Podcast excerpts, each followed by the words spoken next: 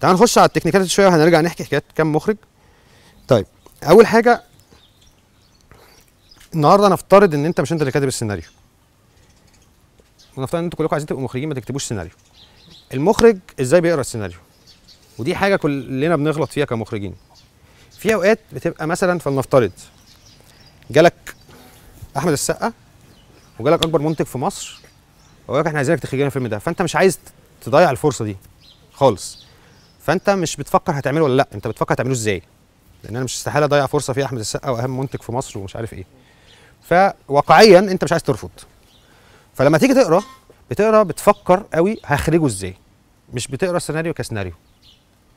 جميل؟ يعني بتقعد تفكر إيه ده؟ بتبقى مشهد كده مع شروق الشمس نرى حصان مش عارف إيه وفلان عليه بيعمل إيه ومش عارف إيه وبتاع.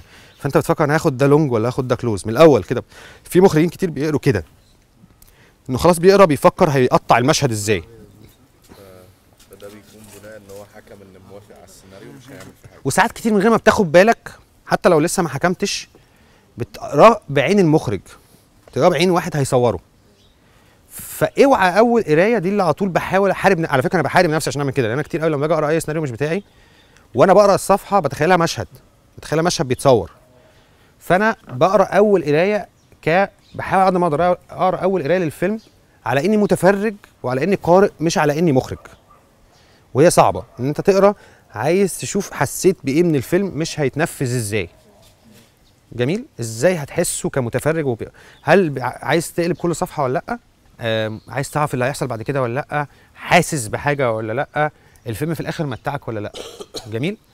وبرضه ما تقراش لو أنت فاهم سيناريو كويس ما تقراش بعقلية كاتب السيناريو. يعني ما تقراش بعقلية اللي هو إيه ده ما حصلش كذا هنا ما حصلش كذا هنا. حاول قد ما تقدر تجنب ده وتقرأ كقارئ أو متفرج عادي. بعد ما تقرأ أول قراية ساعتها تبدأ تقرأ ك technician بقى. إذا كان كسيناريست أو كمخرج تبدأ تفكر لو عجبك بقى خلاص هتخرجه إزاي. ولو إني أفضل إن أنت تقراش كمخرج إلا في آخر مرحلة خالص لما السيناريو نفسه يبقى خلاص خلص تماما.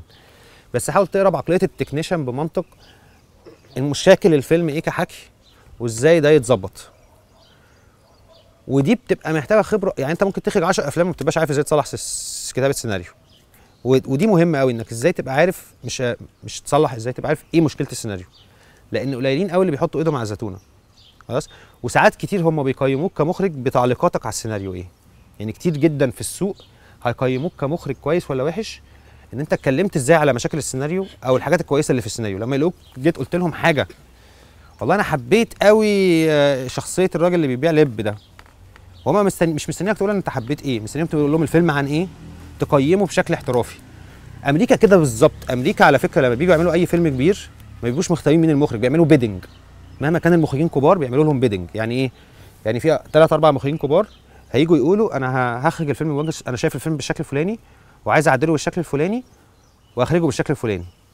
معظم الوقت معظم الوقت هما بيختاروا المخرج على أساس هو إزاي هيعدل السيناريو. أمريكا قايمة على فكرة إن المخرج ده قد إيه فاهم اللي إحنا بنحكيه وإزاي عنده أفكار نعدله في اتجاه أحسن. مش بيقيموك على أنت إزاي بتعرف تاخد الأكشن و- و- بتاع مش بيقيموك على إنك إزاي بتعرف تاخد close وبتاع آه و medium وإزاي هتتقطع في المونتاج وكذا. عشان كده لو تاخدوا بالكم كل ما بيبدأوا franchise جديد بتاع ال superhero الاستوديوهات الكبيرة زي مارفل ودي دي سي كوميكس وسوني وكل الناس دي بيجيبوا مخرج ما عملش أكشن قبل كده. تستغرب يعني هم جايبين نولان اللي ما عملش ولا فيلم أكشن يعمل يبدأ باتمان دلوقتي. ما بقى... نولان ما بيعرفش يخرج أكشن ما فيش حاجة أثبتت قبل كده إنه بيعرف يخرج أكشن. لا Insomnia ولا ولا Memento ولا Following مش مخرج أكشن خالص يجيبوا لي يعمل باتمان؟ بس هم اللي جابوه عشان عنده وجهة نظر في إزاي يحكي باتمان. آه، المخرج اللي إحنا كنا بنتكلم عليه امبارح بتاع Usual Suspects لما هو عمل سبايدر مان وهكذا. هم مش مهتمين قوي وحتى بتاع ايرون مان اللي بدأ بايرون مان اللي هو المخرج اللي هو كان بيعمل أفلام كوميدي. فهم مش مهتمين أنت هتعرف تخرج الأكشن إزاي. خالص. مش مهتمين أنت قد إيه technician شاطر. خالص. هم مهتمين إزاي هتحكي الفيلم بشكل ألطف وهتاخده في سكة. يعني هما بيبقوا أهم حاجة عايزين يعرفوها منك. تقييمك للسيناريو إيه؟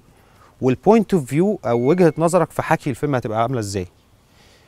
which is بتتضايق إن ده مش موجود في مصر. يعني معظم الوقت في مصر الناس بت... يعني في مصر الناس بتحكم عليك بفيلمك الاخراني جاب كام؟ يعني ساعات في أمريكا ده بيحصل بس في مصر هي بتبقى أكتر كده. فحتى لو كنت مخرجه وحش جدا واتحكى وحش جدا بس جاب فلوس كتير فأنت مخرج الناس عايز تشتغل معاه.